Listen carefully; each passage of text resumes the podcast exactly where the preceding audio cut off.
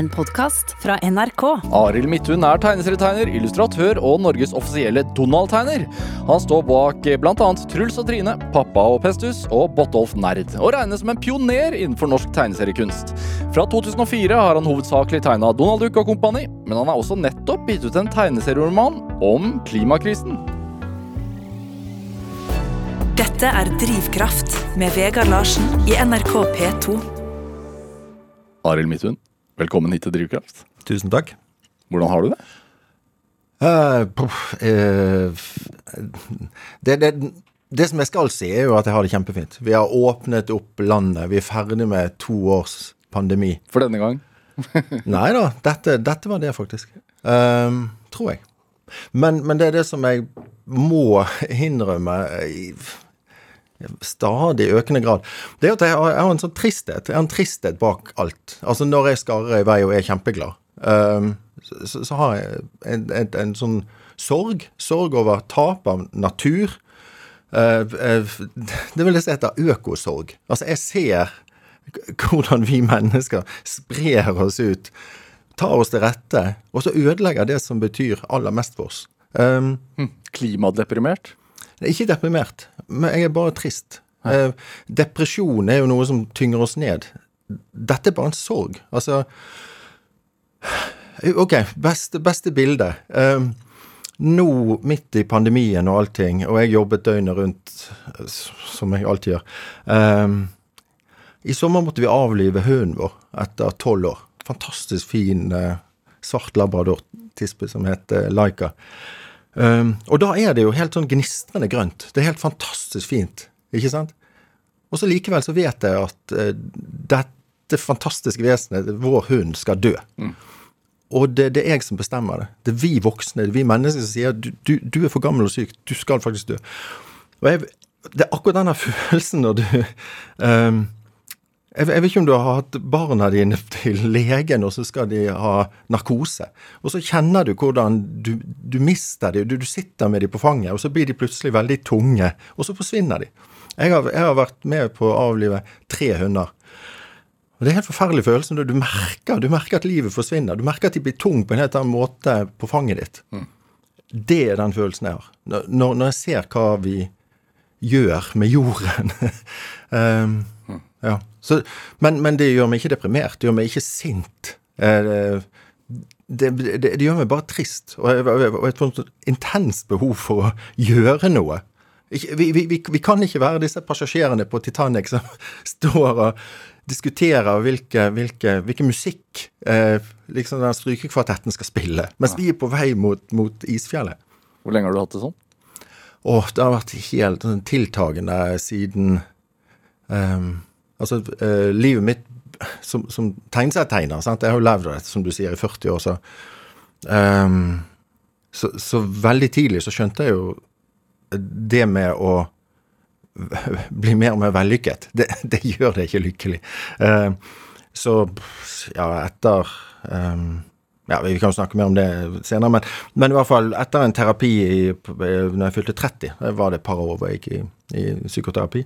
Um, og så deretter så, så, har jeg jo valgt nettopp å være tegneselskaper og forfatter. Um, men det har vært særlig uh, etter småbarnsperioden. Altså etter at jeg på en måte hadde gjort det jeg skulle innenfor karrieren. Uh, eh, gift med en fantastisk kone som er fantastisk mor til mine fantastiske barn. Jeg hadde liksom igjen da lykkes. Mm. Og så merker mer og mer hvordan Altså, alle på Østlandet, i hvert fall her i Oslo-området, altså, se ut av vinduet. Vi, er midt på vinteren. Det regner ute. Mm.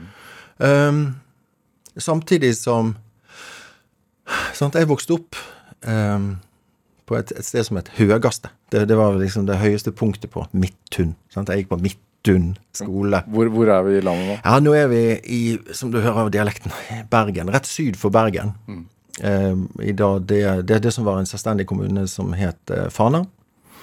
Så eh, jeg vokste opp på Midtun, vokste opp i en skog. Um, som ikke eksisterer lenger. Altså, det er ingenting. Det, det, er liksom noen enslige trær i et svært, svært boligfelt. Blitt, oh ja, det, det har blitt boligfelt i stedet? Selvfølgelig. Ja. Som alt annet. Så hvis du ser rundt deg um, Dette Ok. Du spør når jeg begynte å merke den tristheten. Det, det, det, det var når jeg ikke kunne på en måte døyve det lenger. Det, det, det var når det bare ble tydeligere og tydeligere. Det var når eh, Ok, vi, vi, skal ikke diskutere klimakrisen. Det, det er egentlig en, en krise går over. Vi, vi har vært gjennom en pandemi. Det var en krise. Klimaendringen er ingen krise. Det, det, det er noe som er. Det, det kommer til å få større og større innvirkning på livene våre. Um, så når Greta Thunberg snakker om at huset vårt brenner, um, så ble jeg helt fortvilet når folk begynner å diskutere Ja, men eh, eh, hvor mye brenner det? det, det? Nei, men det brenner ikke her. Du hadde ikke sagt det hvis huset ditt brant. En brann er en brann. Du hadde diskutert ok, skal vi bruke pulverapparat eller skal vi bruke vannslaging. Hva skal vi gjøre? Du hadde ikke begynt å diskutere. Nei, jeg tror ikke det brenner så veldig. Og et, et skrekkelig bilde, også, som jeg føler veldig sterkt, det er jo dette her eh, eh, eh, Ok, jeg, jeg må bare si sant? Nei, jeg siterer ikke forskningsrapporter. Nei, jeg vil ikke på en måte verken name-droppe, liksom si at han og hun har sagt sånn og sånn, selv om jeg kommer helt sikkert til å gjøre det her nå i vår samtale. men men jeg får bilder. Eh, Jeg forsøker å beskrive bildene jeg har i hodet, og disse bildene gjør meg trist. Så dette bildet av den frosken du vet som du kan ha oppi en, opp en kjele, og så skrur du opp sakte, men sikkert varmen i kjelen. Og det er bare varmt og godt. Og frosken kan hoppe ut når som helst. Men frosken gjør ikke det, for det er bare fint. Det er fint når det ikke er altfor kaldt. Det er fint når det er liksom varmt og godt.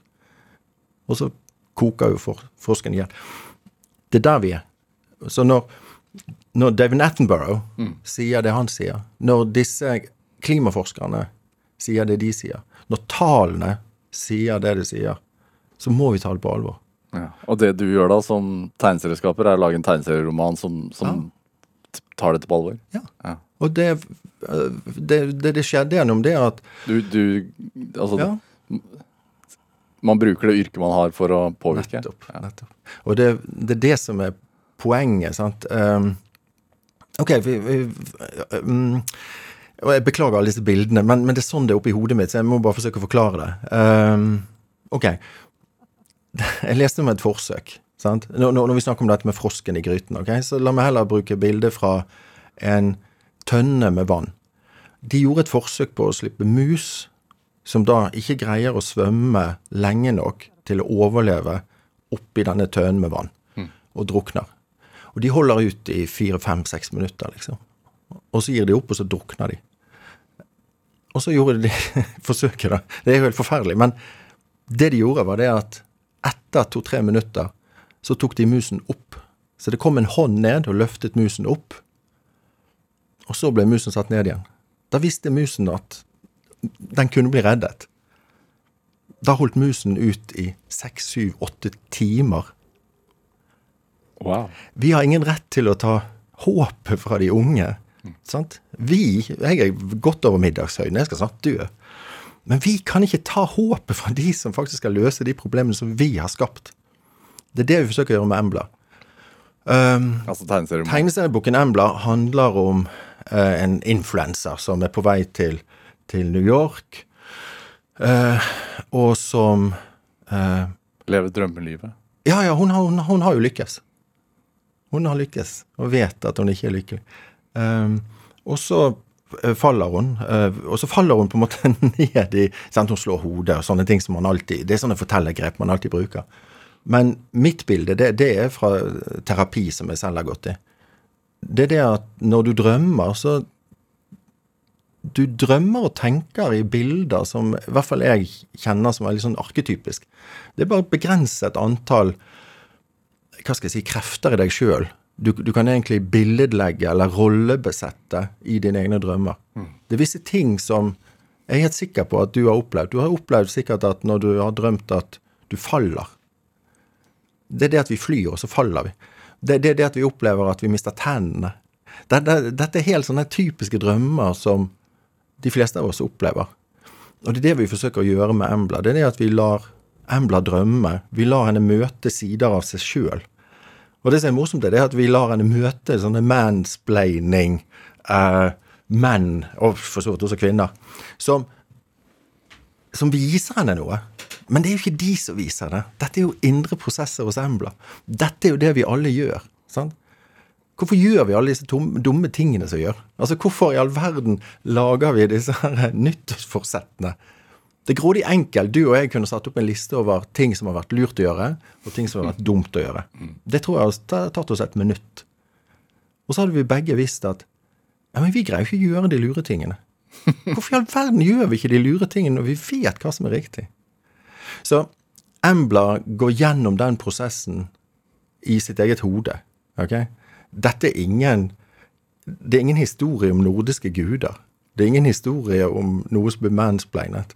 Vi lar bare denne indre prosessen utspille seg i det perfekte mediet for det, nemlig en tegneserie. Hvorfor er det en perfekt medie? Fordi at du har både tekst og tegning. Eh, Det er veldig påfallende i en film.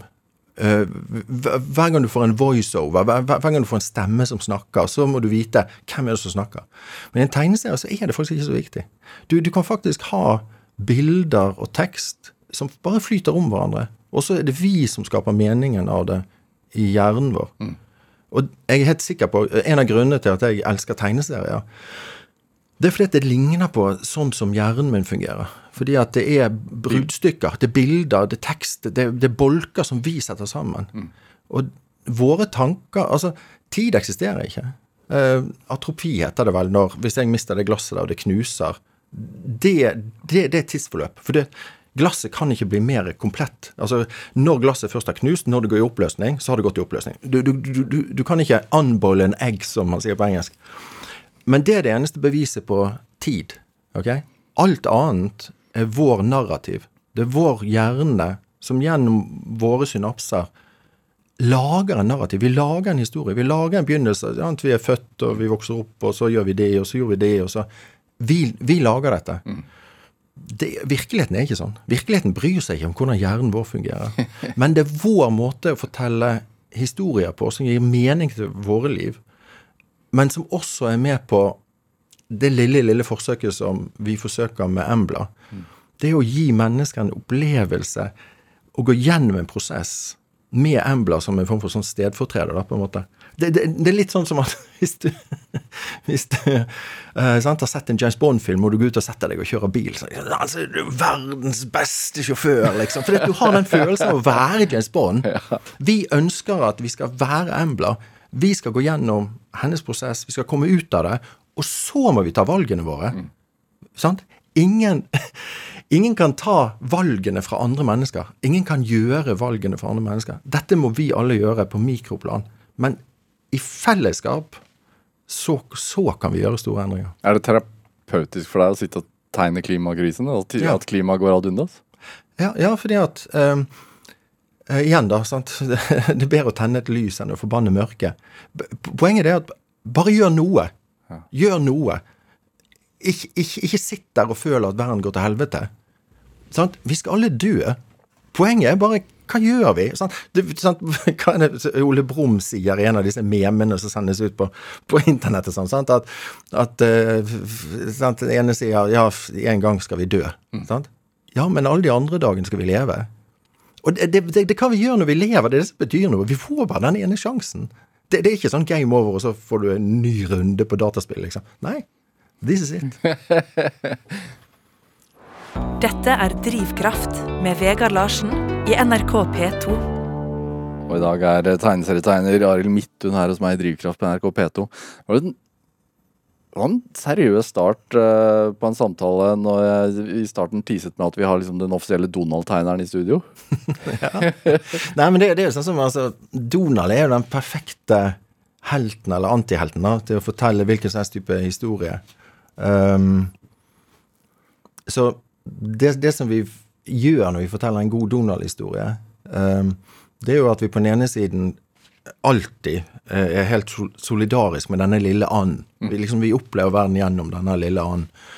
Og han lever i en vond og vanskelig og stor verden, ikke sant. Masse I motstand. hvert fall urettferdig, syns han ofte. Ja, men det er alle vi små mennesker opplever verden som et urettferdig sted, ikke sant. Og så, eh, så, så, det, så det er innholdet, og så er det formen. Det, det det at vi har disse små korte tisidene. Så veldig ofte er det litt sånn hybrisaktig, altså overmot. sånn Donald skal bli verdensmester i et eller annet. Og da holder det liksom ikke å være best i Andeby, liksom. Nei, han skal bli verdensmester i universet, liksom. Og så går det selvfølgelig galt. Hvordan kommer man på en Donald-idé? Altså, du, har jo, du sier jo vi, du gjør jo ikke dette aleine. Du har jo, Nei. har jo manusforfatter òg. Ja, ja, ja. Men la, la, meg, la meg ta det først. Eh, men la meg bare si noe om formen. fordi at da På den ene siden så har du disse korte historiene, men så har du disse episke historiene, disse lange fortellingene. Og da, da er det sånn, da reiser man opp i Andesfjellene og finner firkantegg, og så reiser man tilbake. Og så nettopp Alles favoritt. Ja, eller Hva var den andre historien het? Odysseen, tror jeg den het. Og så kommer man tilbake til, til eh, Ithaca, og så Nei, vent. Nei, det var en annen, ja. Nei, men det, det, dette, dette er formen. Sant? Det helt tilbake til de gamle grekerne. At, at vi forteller disse episke historiene. Så og så er det jo det at jeg jobber alltid sammen med, med mennesker. Og så har jeg vært kjempeheldig og fått jobbet med de ja, aller dyktigste. Sånn at når, når jeg snakker om Embla, så er det en historie som jeg har skrevet sammen med eh, Bjørn Samset. Som også har vært i Drivkraft, som, eh, som er, er en av landets fremste klimaforskere. Ja, altså det, er- det, det, det, det som er morsomt med en del av disse menneskene som jeg er så heldig å jobbe med, det er jo det at sånn som eh, Bjørn, da, som er partikkelfysiker. Eh, han er kjempeflink til å spille gitar. Han er trebarnsfar. Han brygger helt fantastisk øl, ikke sant. Eh, men han kaster ikke veldig mye tid vekk på å se på idiotiske TV-program. eller han, han er veldig klar over hvordan han bruker tiden sin. Men, men det, det er Bjørn og jeg sammen som har, som har skrevet Embla. Um, og eh, når det gjelder Donald, da, for eksempel, så, så jobber jeg sammen med Tormod Løkling, som jeg er vokst opp sammen med. Altså, vi, vi lagde tegneserier sant, nå, eh, sant, Vi begynner å nærme oss 60, liksom. Eh, vi, vi har laget tegneserier hele livet. Altså før vi begynte på skolen. Og, eh, og så er det jo kjernekaren Knut Nærum. Eh, som er jo helt fantastisk. Var det Løkling du skrev denne spionserien sammen? Nei. Spionserien er veldig bra her. Den som har lest det opp Jo, vi, vi laget en, um, en, uh, ja, en tegneserieføljetong. Den, den gikk over et halvt år i Bergens Tidende. En sånn spion uh, Veldig inspirert av fransk-belgiske Sprint og co. og sånne, sånne tegneserier fra, fra 60-70-tallet og sånn. Um, På seint 70-tall, dette her, da. ja, dette var Ja, godt spørsmål. Skal vi se. Vi var 13 13-14 år gamle når vi laget det. Og da, da gikk en et halvt år i Bergens Tidende. Hvordan er det, er det for en 13-14-åring å få tegneserien sin på plass da i, i, i Ja. en av Bergens største aviser? Ja, det var jo Bergens største avis. Altså, det var jo, det var jo viktig eh, Nei, det, det er veldig rart, for det, det føltes bare helt naturlig. Det var, det var sånn jeg, jeg forventet at det var sånn eh, For jeg, jeg, jeg så jo det vi laget var ganske bra, og vi, vi fortalte gode historier, og vi, vi hadde jo holdt på med tegneserier kjempelenge allerede. Altså, da hadde vi jo eh, sant, Fra før vi begynte på skolen, som jeg sier. altså det, det var dette vi gjorde. Og vi, vi altså Tormod, spesielt hans, eh, hans slekt, der var liksom Farfaren var eh, rektor på skolen der hvor min far også gikk i sin tid. Sant? På Midtun skole, selvfølgelig. På Midtun. Alt, alt var bare Jeg, jeg vokste opp i Midtun-slekten. Men eh, nei, sånn at når Tormod og jeg laget tegneserie, så var det liksom Det var forventet det at vi, at vi selvfølgelig skulle det komme på trykk og Nei, så det hadde vært veldig rart. Det, det er også litt sånn at eh, den, den siden av Altså slekten til Tormod, det, var, det var lærere, og det var folk som var intellektuelt veldig oppegående, altså. Hva med din slekt? Ja, vi, vi, eh, vi, vi, vi, vi kommer fra bondeslekt, egentlig. vi. Sånn at for på den ene siden så har du Tormod sin slekt, da, som var som sagt rektorer og lærere. Alle var lærere. Så, så jeg husker jeg var inne og hørte på nettopp han farfaren til Tormod, som, eh, som fortalte om myter og sagn og så, Jeg syntes det var helt fantastisk. Og så leste vi vi leste Pickwick-klubben. eh, Det var liksom Dickens og sånn vi leste. Og da, jeg mener vi var ti og tolv år gamle. Så vi, vi drev hele tiden og sånn siterte Uh, ja, eksempel av Pickwick-klubben. Det, det var helt naturlig. Det var deres, deres YouTube, holdt jeg på å si. Ja, for det var liksom, det var jo litteratur, det var tegneserier, etter hvert filmer og sånn. Men mens min, min slekt, altså Midtun-slekten, det, det er en bondeslekt. Sånn at uh, min ja, min beste, bestefar da på, på farssiden, han var herredsagronom. Altså reiste rundt og lærte bøndene å dyrke og sånn. Og så hadde min far da mange eldre søsken, han var yngst, så, så han hadde ingen odelsrett. Så vi bodde oppe på Høgaste, som jeg nevnte i sted, da, som var et sted hvor tyskerne hadde eh, lyskasteren under krigen for å fange allierte fly i, i lyskjegl, liksom, før de var på vei nordover inn mot Bergen. Var det rester igjen? Ah, Oppveksten min altså det, det, det er så utrolig. sant? For nå, vi, vi har kommet et eller annet sted inn på 2020-tallet. Har, har vi ikke det? Hva har det blitt nå? 2020? 20, 20, Ca. 2022? Husker du 19 år tilbake? 19 år tilbake, sant? Det, det var i går. Jeg var født 19 år etter andre verdenskrig. Ja. Jeg lekte blant eh, piggtråd. Vi, vi hadde skyttergraver som vi lekte i. Det lå masse tomhylser rundt omkring. Andre verdenskrig var i går. Og, og det, det påvirket også sånn som mine foreldre. Sant? At de, de kom fra ganske holdt på å si, enkle kår i betydning av at de hadde ikke så kjempehøy utdannelse eller kjempehøy inntekt. Sant? Jeg husker min mor begynte å jobbe fordi hun skulle tjene penger til pianoet som vi hadde. og Sam- Samtidig så var det sånn at det, selvfølgelig tok man pianotimer. Selvfølgelig diskuterte man innad i slekten, eh, spesielt disse eh, brødrene til min far. Eh, det, de, alle de hadde jo høyere utdannelse og var liksom leder i 17. mai-komiteer, og de var banksjefer, og de var det, ja, det er en sånn fin ting. Jeg, jeg laget sammen med en fantastisk klok dame som heter Erna, Sol, eh, Erna um, eh, Osland, ikke Solberg. Erna Osland, eh, som er kjempefin. Hun, eh, Erna og jeg laget en, en tegneseriebok om, om eh, Ivar Aasen. Og, og der kjente jeg igjen veldig mye av oppveksten til Ivar Aasen fra min Midtun-slekt. Fordi at det var sånn at selvfølgelig spiller man sjakk, selvfølgelig spiller man bridge, selvfølgelig diskuterer man politikk. Altså, du, du så deg selv litt i Ivar Aasen da du lagde den tegneserieromanen? Ja, veldig. Ja. Veldig. Mm. Veldig sånn en, en, en som holder på med prosjektene sine, liksom. Ja. Um, og så- også igjen da denne her En form for sånn ural eh, borgerlighet, på en måte. Men det at du vokste opp altså Du sier det var 19 år siden krigen tok slutt, Mm. og lekte i piggtråd og skyttergraven og sånn. Mm. Var det en god greie for fantasien din? Eh, Det som er morsomt, er det at eh, sånn som i dag, eksempel. eh, Jeg vet at du har små barn, men, men jeg tror nok jeg var oppe før deg likevel. Altså, jeg, jeg våkner ekstremt tidlig, og da, da jeg var liten, så var det alltid sånn at når ikke de fant meg om morgenen, så var jeg ute i skogen. Og det, det var jeg, altså, fra veldig tidlig av.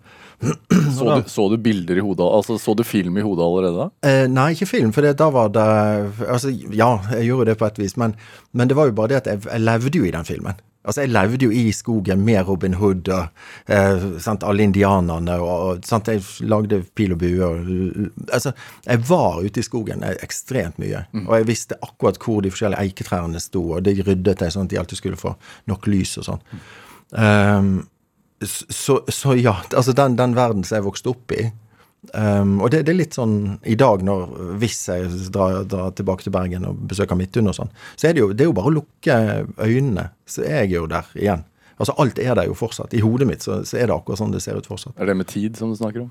Ja, for tid eksisterer ikke. Sant? Så det er det som Neo sier i Matrix, liksom. There is no spoon. Altså, tid eksisterer ikke. Um, Syns du tiden går fortere nei. jo eldre du blir? Nei. Nei, nei, det syns jeg faktisk ikke. Jeg, jeg vet at det er mange som snakker om det, men det, er bare fordi at man opplever nok en tirsdag. Altså, det blir bare liksom I dag er det mandag, men, men det, blir liksom, det blir bare nok en, nok en dag, nok en uke. Eh, ting legger seg oppå hverandre. Du, du, du ser ikke endringene lenger. Mens, mens det som jeg ser um, Jeg er også Ja, jeg vil bare ta, ta akkurat den som du spør om der. Fordi at um, noe av det som jeg ser um, og som jeg vet er at eh, hun eh, Ja, hva skal jeg si? Uh, Insektdronningen, biedronningen eh, eh, Anne Sverdrup Tygeson. Som også har vært i drivkraft? Ja, ja, ja, visst. Jeg har hørt alle disse programmene. Men hun, hun har hatt en del kontakt med, og hun snakker jo om noe som er et ekstremt viktig prinsipp. Um, det er endringsblindhet. Hva er det? Endringsblindhet er det at det som du husker i ditt liv, altså manns minne, Arilds tid som det også heter, det, det er liksom 30 år, sant? Fordi at Jesus ble 33 år, liksom. Så. Men eh, vi, vi husker liksom i manns minne. Du husker din barndom. Du husker dine trær som var i nærheten der du vokste opp, som ikke er der lenger. Men du greier ikke å reagere på det, fordi at du er et menneske, jeg er et menneske. Våre referanserammer er hele tiden eh, våre erfaringer. Poenget, problemet, det er at det var sånn det var på Påskeøya, f.eks. Altså, det var ingen som hogget ned det siste treet på Påskeøya. Det var bare det at de snakket om at før var det veldig høye trær her, men nå er det bare busker. Men det var ingen som hadde opplevelsen av at de faktisk hogget ned det siste treet. Og dette, dette heter endringsblindhet. Det, det betyr at øh, det som du husker fra din barndom, det som du ser rundt deg, det, er, det er så et lite grunnlag for å kunne se de store endringene. Det er derfor mennesker har vanskelig for å fatte de enorme klimaendringene vi er inne i. Vi ser ikke artstapet. Det, hvordan vi utrydder alle dyr, alt levende rundt oss. Vi, vi stjeler habitatene deres. Vi, vi, skal bare komme litt raskere frem. Så denne bilveien er litt fint hvis den er litt større, litt rettere, og går gjennom dette skogholtet. Det er bare et skogholt. Og jeg vet, Tidligere i dag på Ekko så snakket vi om dette her ja, Kall det ansvarspulveriseringen som ligger i at på lokalt plan, det er der vi skal ta beslutningene. Som er et kjempefint prinsipp. Mm. Uh, poenget er bare det at da mister vi det store bildet. Så vi alle holder på å ødelegge litt. Og så tror vi at det er noen andre som skal fikse det. Så dette, dette er det som også Ja, det er endringsblindhet. Og hvis du kobler det med allme, allmenningsproblematikken, det at hvis du er et sted hvor du tror at andre skal rydde, hvorfor skal du rydde? Så når, jeg er ute, jeg, jeg, sykler nesten to mil hver dag nå når det ikke har kunnet Jeg spiller fotball i utgangspunktet, men nå har ikke kunnet gjøre det pga. pandemien. Mm. Og da, på den turen min, så plukker jeg opp alltid en haug med plast. Hver eneste dag. Hvordan i all verden kan det være så mye plast rundt om? Du stopper sykkelen, plukker ja. med deg plast, ja, alltid. Ja. Alltid. Så hver gang jeg ser plast, så stopper jeg og plukker det opp. Samme rute? Ja, delvis samme rute. Og, og, i mellomtiden, det er jo noen som har kastet den plasten. Ja. Og poenget er jo det at Men når du vet Unnskyld at jeg avbryter deg, men nei, når nei, du da vet hvor mye plast som er i havet, ja. hvor mye plast som produseres og kastes hver dag ja. Den ene tingen du plukker opp, du vet altså Det har jo ingenting å si. Eh, kan man tenke. Kan man tenke. Og hvis du tenker sånn, da, da faller du for begge disse problemene, som jeg sier. Eh, altså denne allmenningsproblematikken. At du har en følelse av at du trenger ikke gjøre noe. Sant? Vi trenger ikke gjøre noe fordi at Kina gjør ingenting. Hmm. Ok, La, la meg fortelle en, en, en, Ok, jeg underviser. Sant? Jeg møter kanskje jeg vet ikke, bortimot 1000 unge mennesker hvert år, sånn i gjennomsnitt. Fordi jeg holder masse foredrag, jeg er ute og møter masse mennesker som Donald tegner. Snakker du om Donald eller klima, da? um, I og med at vi snakket om Donald i sted, så uh, Jeg er fortsatt Donald-tegner. Og jeg, jeg, jeg, holder, akkurat nå holder jeg på å skisse opp uh, årets Donald-julehefte. Så vi, vi, vi, skal absolutt snakke mer om Donald. Men, men, Donald i denne sammenheng, som vi nå snakker om, da, da er det jo at jeg bruker nok Donald mye som en sånn uh, trojansk hest for å komme inn i klasserommene, snakke med mennesker. Og bortsett fra når jeg underviser mye, eller reiser rundt mye sant, på skoler i Sverige og sånn. Ja. Ofte blir jeg sendt til rektor, rett og slett, pga. at jeg setter ord på ting man ikke skal sette ord på. Men det, det er en annen diskusjon. Men i hvert fall, eh, en, en situasjon som jeg kan fortelle om. Du får kjeft? Ja. Nei, Av hvem? Av, av, av rektor. Nei, eh, på vegne på vegne av eh, foreldrene og på vegne av barna som ikke Etter du har hatt foredrag? Ja. Hva har du sagt? Og gjerne mellom foredragene. Nei, hva? Nei, men ok da, La meg ta to, to eksempler. Ja. To eksempler. ok, så Ok, tre, tre, eksempler. Ok, vi skal Nei da, men hør nå. Hvor er du fra igjen, sa du? Uh, her er det bergenseren som snakker. Nei, så, så Poenget er at jeg, jeg, kan si sånne ting som at du vet at du bare har så og så mange hjerteslag. Altså en mus og en elefant har omtrent akkurat samme antall hjerteslag. Mm. Det, det, er faktisk det du har. Det fins ingenting etterpå. Det fins ingenting før. Du har disse hjerteslagene. Bruk de klokt. Og da, da, må jeg si til unge mennesker at ja, for du har, det er bare et visst antall hjerteslag, og så, og så dør du. Og så, og så, var det en liten jente som så opp på meg med store øyne og sa er det sant? Og så måtte jeg si ja, du skal faktisk dø. Det er jo Det er faktisk sant. Men, nei, men så er det klart, da blir jeg jo sendt til rektor. Um, en, en, annen, en, annen, ting som jeg eh, Jeg husker jo Da, da satt vi ved et lunsjbord i um, For i, i svenske skolen så har de jo varm lunsj. Helt genialt. Kjempeviktig. Det er det beste på en måte utjevningstiltaket man kan gjøre for å ta vare på de som ikke får god matpakke med hjemmefra. Jeg syns det er et fantastisk prinsipp. Og vi sitter rundt bordet, lunsjbordet, um, i denne svenske skolen. Og da var det sånn, da, da skulle ingen snakke. Og det var også veldig fint, for det også utjevner forskjeller. Så da bare satt alle og koste seg med maten. Det var ingen som snakket. Fordi at de skulle bare konsentrere seg om å spise. Helt genialt. Og så etterpå kunne man snakke sammen. kjempefint. Men i hvert fall, og da husker jeg satt ved et bord, tilsvarende det bordet vi har her. Så et ganske stort bord. Og så sto det en blomst på midt på bordet, og så hadde vi spist opp all maten. Og så var det en av guttene som Og dette er liksom tolvåringer, liksom. Spurte ja, men hvordan er det liksom at menneskene har liksom lagt under seg hele jorden. For det hadde vi allerede snakket mye om. Vi hadde snakket om rasisme, f.eks. Det er jo vi hvite. Det er jo vi som er mutantene. sant? Mennesket er svart. Mennesket kommer fra Afrika. Vi er afrikanere. Det er bare vi som noen generasjoner er blitt lyse i, huden. sant? Det er vi som er Vi er mutantene. Og dette syns disse guttene synes var kjempegøy, liksom. At vi hvite nordboere, liksom. Vi er mutanter. Det syns de var gøy. Men, men, så lurte de veldig på dette med utviklingen. Sant? Det at vi har beveget oss fra Afrika og spredd oss rundt på hele jorden. og Hvordan i all verden fikk vi til det, liksom? Og så Igjen, da. Dette er grunnen til at jeg ble sendt til rektor. Ok, Så da hadde jeg disse guttene. Så det var liksom fire, fem, seks stykker, liksom. Um, så da sier jeg ok, nå har vi brukt opp alle ressursene. Ok, Vi har spist alt som er her. All maten. Og den blomsten står der. Nå er den også spist. Det er ingenting mer her å spise. Hva gjør vi? Jo, vi går ut, for nå er vi ferdige. Sånn. Så gikk vi ut av matsalen, ut eh, på trappen der. Der sto det to gutter ved siden av noen busker. Og da sier jeg til min gjeng, vi var jo seks stykker, så jeg sier nå, følg med. Så går jeg bort til de to guttene og sier du, hvis vi kan overta de to buskene deres, så skal ikke vi gjøre dere noe. Ok? Vi skal ikke drepe dere, liksom. Skjønner du? Og de to guttene, de syntes jo det var en kjempegod eh, deal. Fordi vi var seks stykker. De var altfor få. Da var vi plutselig blitt åtte-ni stykker. Så gikk vi videre, og vi gikk videre, og vi gikk videre.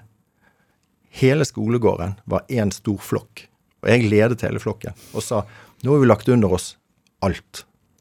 Og så husker jeg dette var litt sånn ut på, Det var jo lunsjtid, og da månen hadde kommet opp. Mm. Nå har vi lagt under oss hele jorden. Vi hersker over alt. Vi har alle ressurser. Vi har spist opp alt. Så hva skal vi nå gjøre? Jo, nå skal vi til månen. Og så skal vi spise støv og stein der oppe. Og det som var fantastisk, var det at disse guttene spesielt, da, de hadde jo opplevd dette som en sånn utrolig rush. For de hadde så enormt makt. For vi la under oss alle. Vi mhm. bestemte alt. Og så sto de og så de på hverandre. Og så skjønte de hva skal vi nå gjøre? Det hjelper ikke å drepe hverandre. Vi får ikke mer ressurser av det. Da blir jeg sendt til rektor. Arild Midthun, det er hyggelig å ha deg her i Drivkraft. Eh, vi skal spille litt musikk. Um, vi skal spille en låt som heter 'Nesten ikke til stede' av Jan Eggum. Er det er det melankolikeren i deg? Er det bergenseren i deg? Det... Uh, Jan, Eggum han fylte jo akkurat 70 nå i desember. Uh, og er det jo en artist og forfatter som jeg har fulgt veldig nært gjennom alle år. For han ligger alltid noen år foran meg. Så jeg, jeg, sendte han en bursdags... Jeg laget en tegning av han til og med. Så sendte han. han. Han har betydd enormt mye for meg, fordi at han har satt ord på Kanskje det er det som jeg har vært aller mest redd for. Det, er det denne sangen handler om. Og hva er det, da? Ja, å ikke være til stede.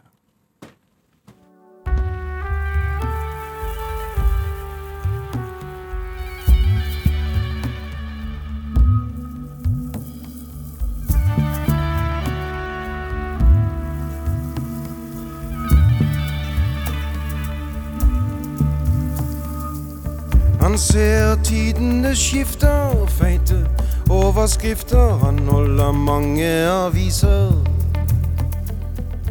Han blar i de mens han spiser.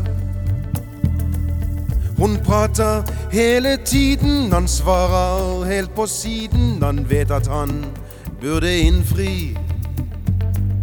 Det er jo hun han er glad i. Det er noe han bør oppleve etter barne-TV når de vil leke med pappa. Ungene han skal oppdra,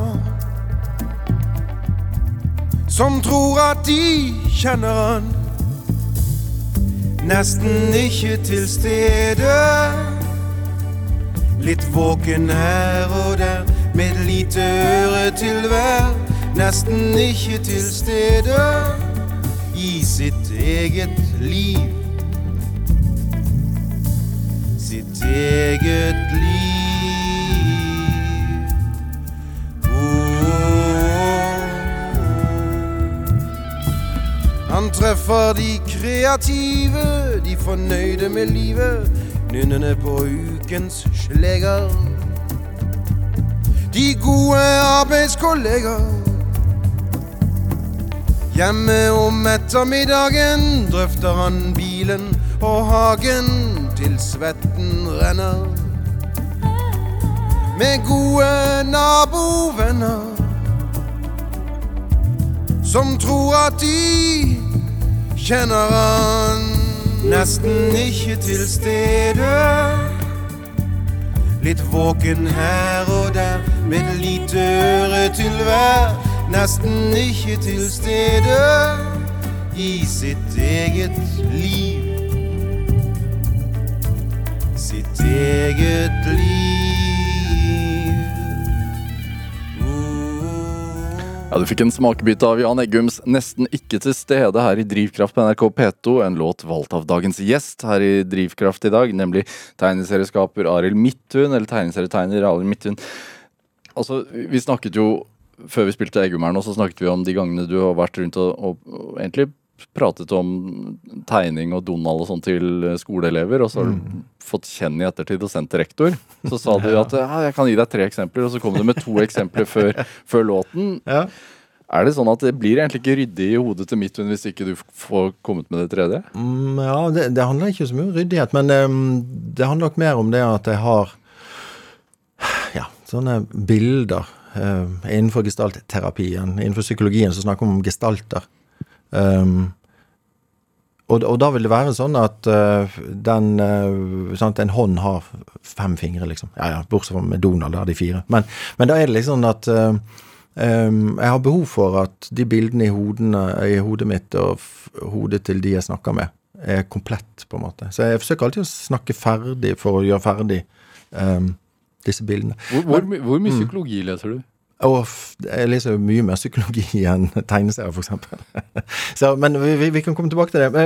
Jeg, tenkte jeg skulle bare si noe om dette med å øh, Nettopp med tanke på psykologien også, for så vidt. Da. Men, men dette med å ikke være til stede. Altså, eller enda verre, nesten ikke til stede.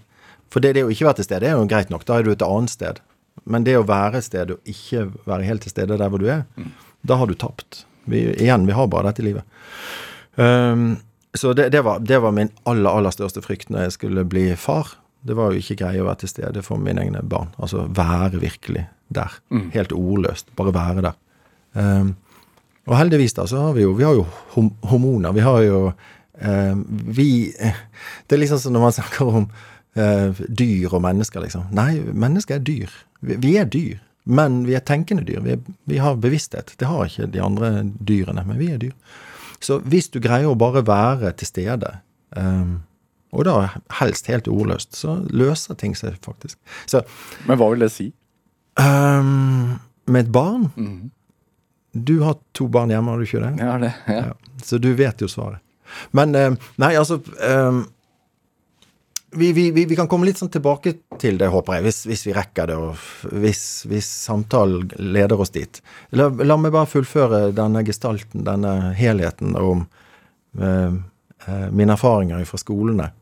Fordi at eh, det omhandler både den kontakten som jeg forsøker å ha med barn, eh, men også denne her eh, ansvarsfraskrivelsen eller ansvarspulveriseringen, dette her allmenningsproblemet, det at vi tror at det er noen andre som skal ordne opp. Sant? Vi har, noen av oss, sant? Så, sånn som jeg, jeg meldte meg ut av statskirken da jeg var 16, men da, jeg hadde jo lest Bibelen. Jeg kunne jo mye mer om Bibelen enn de som faktisk konfirmerte seg.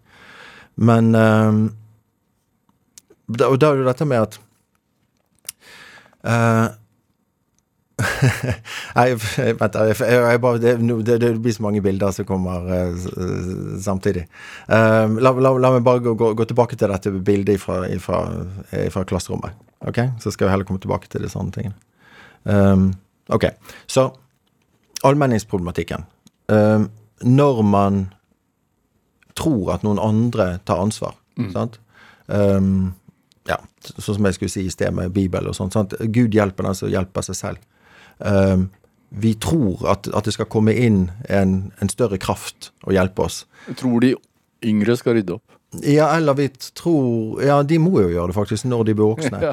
Men, eh, men eh, vi tror sånn som, sant, at du skal Det det, det jeg skulle si i sted, jeg kan ta det noen ganger. Men altså, det, dette med at man skal hedre sin far og sin mor, for da får man leve lenge i landet. Men det er helt feil, fordi at vi voksne har jo ikke alltid svarene. ikke sant? De svarene vi skal gi, det handler om tro på vitenskapen. Tro på vitenskapen som faktisk kan um, falsifisere. Altså, det viktigste prinsippet i vitenskapen er ikke å finne fram til hva som er sant. Det er vel så viktig å finne ut det som ikke er sant. sant? Å falsifisere, og ikke bare verifisere. Men anyway, så tilbake til disse barna. Um, så da var det to jenter som sitter ved et bord, og vi har disse her tegneserie-workshop, tegneseriekurs, som jeg holder ofte. Eh, og da hadde jeg delt ut eh, papir av fire ark til alle sammen. Og da var det disse to jentene som sitter der, da, og så var det en gutt som satt ved siden av. og Han, han hadde ikke noe ark. Han hadde enten ikke oppfattet hva som skjedde, eller han, han hadde ikke noe ark. Men de hadde to ark hver. Og da sier jeg til hun ene at du, kan, kan du være så snill og gi det ene arket til han gutten? Og da sier han eh, Hva, hva, hva sier jenten da, tror du, Vegard Larsen? Nei, de sier nei. Fordi at Hvorfor sier de nei? Nei, De har jo to hver. Det er veldig bra. Ja. Og her, her, er, her er hele prinsippet. sant? Hun sier nei. Nei, jeg gir ikke fra meg et ark, fordi at venninnen min har også to ark. Og logikken i det, fra hennes side, fra et psykologisk synspunkt, er jo det at én, hun sammenligner seg med venninnen sin. Hun må ha akkurat det samme som venninnen har. Sant? Det er derfor ingen røyker lenger. Det er fordi at vi sammenligner oss med, med våre nærmeste, på en måte. Um, og så i forlengelsen av dette, og med klimaendringer og dette med å ta ansvar, sant? som det som du sier, når det er så mye plast i havet, er det da noe vits i at jeg stopper å plukke opp plast når jeg er ute og sykler? Ja, det har noe å si. Fordi at eh, hvis ikke jeg gjør det, hvem skal da gjøre det?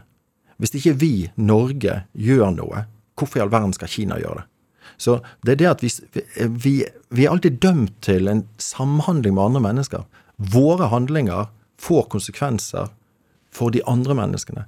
Og hvis vi greier å Ok, la, la, la meg ta enda et bilde, da. Ok, Så skal vi snakke videre om andre ting. Men, men et, Hvis, hvis timen strekker til, sier ja, ja, Er det bare én time?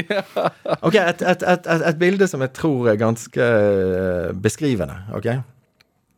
Um, dette var da vi bodde fortsatt i, eh, i Oslo, og Kristin, min kone og jeg var ute på, eh, på huk på Bygdøy, på stranden der, og på kvelden.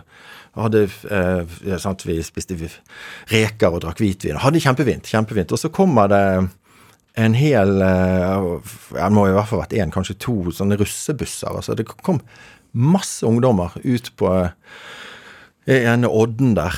Og de hadde det kjempegøy. Hadde drukket mye, og jeg vet ikke om de hadde tatt andre stoff, men de, de hadde det kjempegøy. Og alle disse guttene tøffet seg noe enormt, og så begynte de disse guttene, for det var også jenter der, så de begynte å tøffe seg for jentene, og begynte å kaste tomflasker ned i steinene.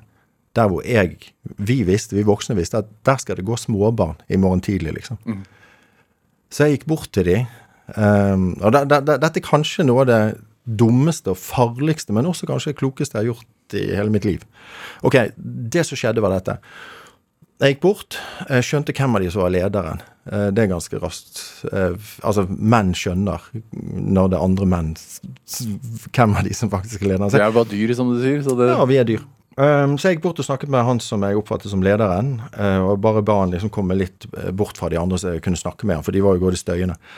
Men det ville han ikke, selvfølgelig. For han syntes det var litt skummelt, så det ville han ikke. Så da var det alle, alle de andre tøffe guttene.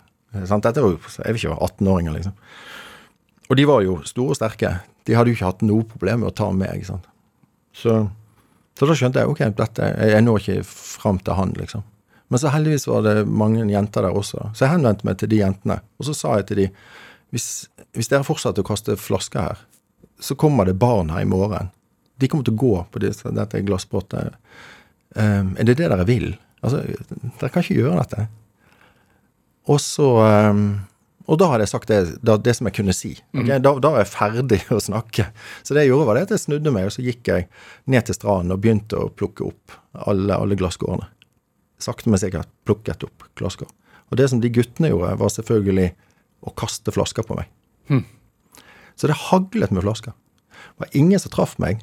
Og det kan være flaks, men det kan også være det at guttene syntes jo egentlig at det var ganske ubehagelig. Så det som skjer, er det at jeg bare fortsetter å plukke opp glasskår mens flaskene hagler. Og så hører jeg jentene begynne å snakke til guttene. Dere, nå, nå, nå drar vi. Og de bare dro. Mm. Og det, det, det var løsningen. Så løsningen var ikke det som jeg sa, men det var det som jeg gjorde.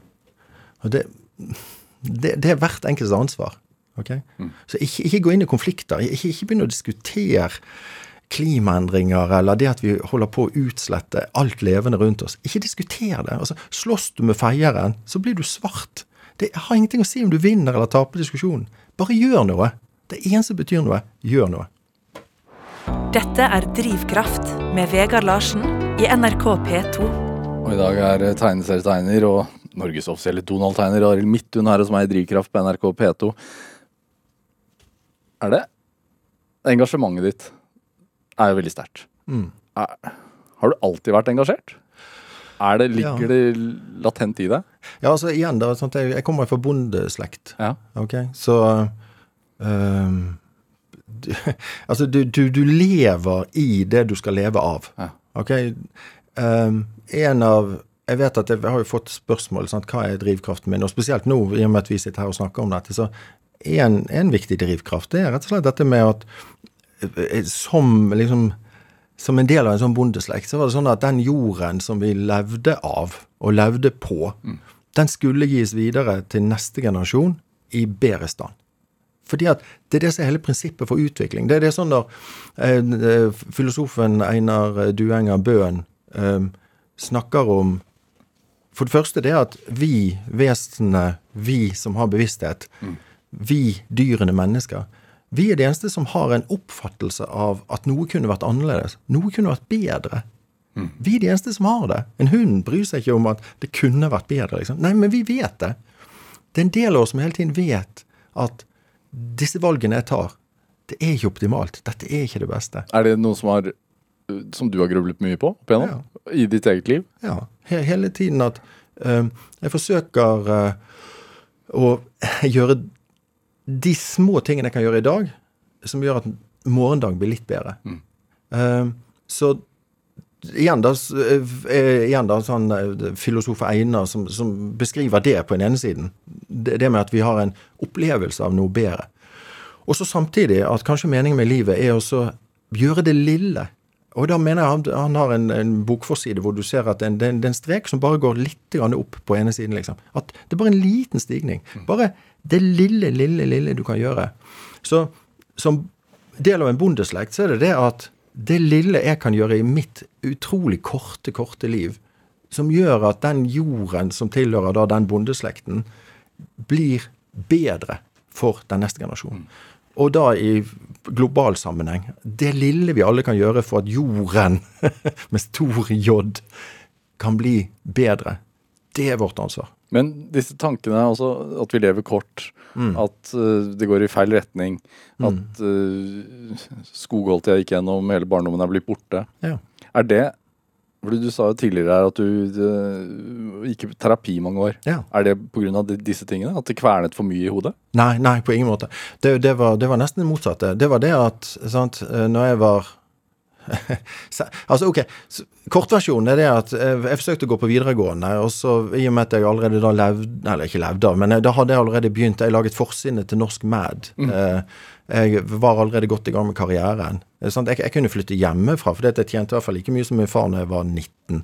Um, så da, da når jeg ti år senere, liksom, når jeg var 29, f- 30, rundt der, så da hadde jeg jo lykkes. Altså Navnet mitt var jo Jeg, jeg fikk jo navnet mitt i leksikon, eller sant, hvem var hvor og sånn, da jeg var 19 eller et eller annet. Altså, f- hva, hva er du ute etter, liksom? Altså, sånn, når Herman Hesse snakker om glassperlespillet. liksom, Hvorfor skal du lykkes? Det, det er bare et monopolspill. Det er bare papirpenger. Alt blir bare samlet inn på slutten likevel. Eller dine hus og hoteller går opp i brann, liksom, opp i røyk.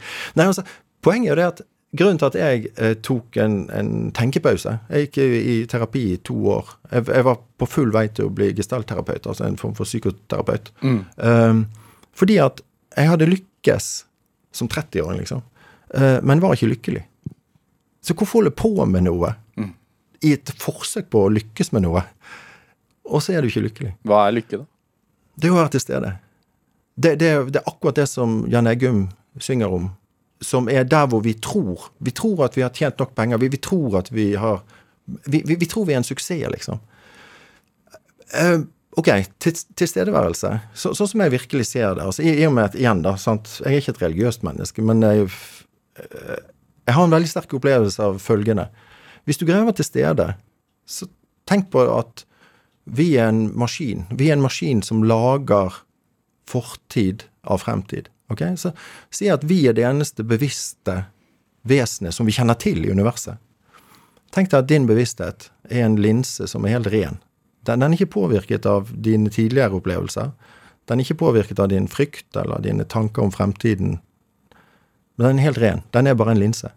Den er en linse som da tar inn det, det som er fremtid, og som du gjør til fortid. Og den fortiden, det er din historie. Så jeg føler at jeg er der, liksom. Jeg er midt inni denne linsen. Jeg bare opplever verden der, der hvor den er. Og, da, og det er veldig forpliktende. For det at den verden som jeg ser, disse klimaendringene som er her, dette, dette naturtapet vi opplever hele tiden, det er helt reelt. Og i min levetid så har vi gått fra Altså i 1964 så var vi 3,3 milliarder mennesker. I år kommer vi til å bikke 8 milliarder mennesker. Vi lever i antroposen. Vi lever i menneskets tidsalder. Det er vi som styrer alt på jorda nå. Og det er vårt ansvar. Og likevel så klager vi over høye strømpriser. Jeg klager ikke over høye strømpriser. Jeg betaler min strømpris, jeg betaler min skatt med aller største glede. Må du, må du si til deg selv at i dag må jeg være til stede? Nei. I det øyeblikket du må si det til deg sjøl, så er du ikke til stede.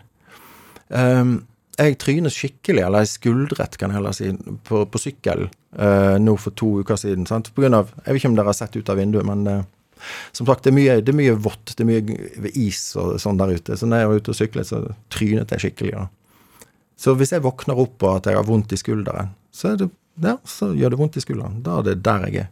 Og det det verste igjen da, som Jan Eggum sier, det, det, det er jo nettopp da nesten ikke være til stede. Så Hva skulle du gjort da? For det var, for det var tegnarmen din som gikk? ja, ja, nei, men da fins alltid løsninger. Så jeg satt i sofaen jeg, med masse puter og sånn, sånn at jeg kunne holde armen i en viss stilling hele tiden. Og så skisset jeg og skrev sammen med Tormod Løkling og eh, Knut Nærum eh, årets Donald-julehefte. Så da satt jeg og gjorde det. Det, veldig mye handler om Og det er jo lett for meg å si. Sant? Jeg har jo et veldig godt liv, så. Men, eh, men det, det handler så mye, egentlig ikke så mye om hvordan du har det, men hvordan du tar det. Sant? Altså, Men sånn som i, Donald er jo dagjobben din på et vis, ja. Mm. for å kalle det det. Jo, jo. Uh, og så har du gitt ut Embla nå, som er en tegneseriemann som handler jo om, om de store spørsmålene og de viktige spørsmålene. Mm.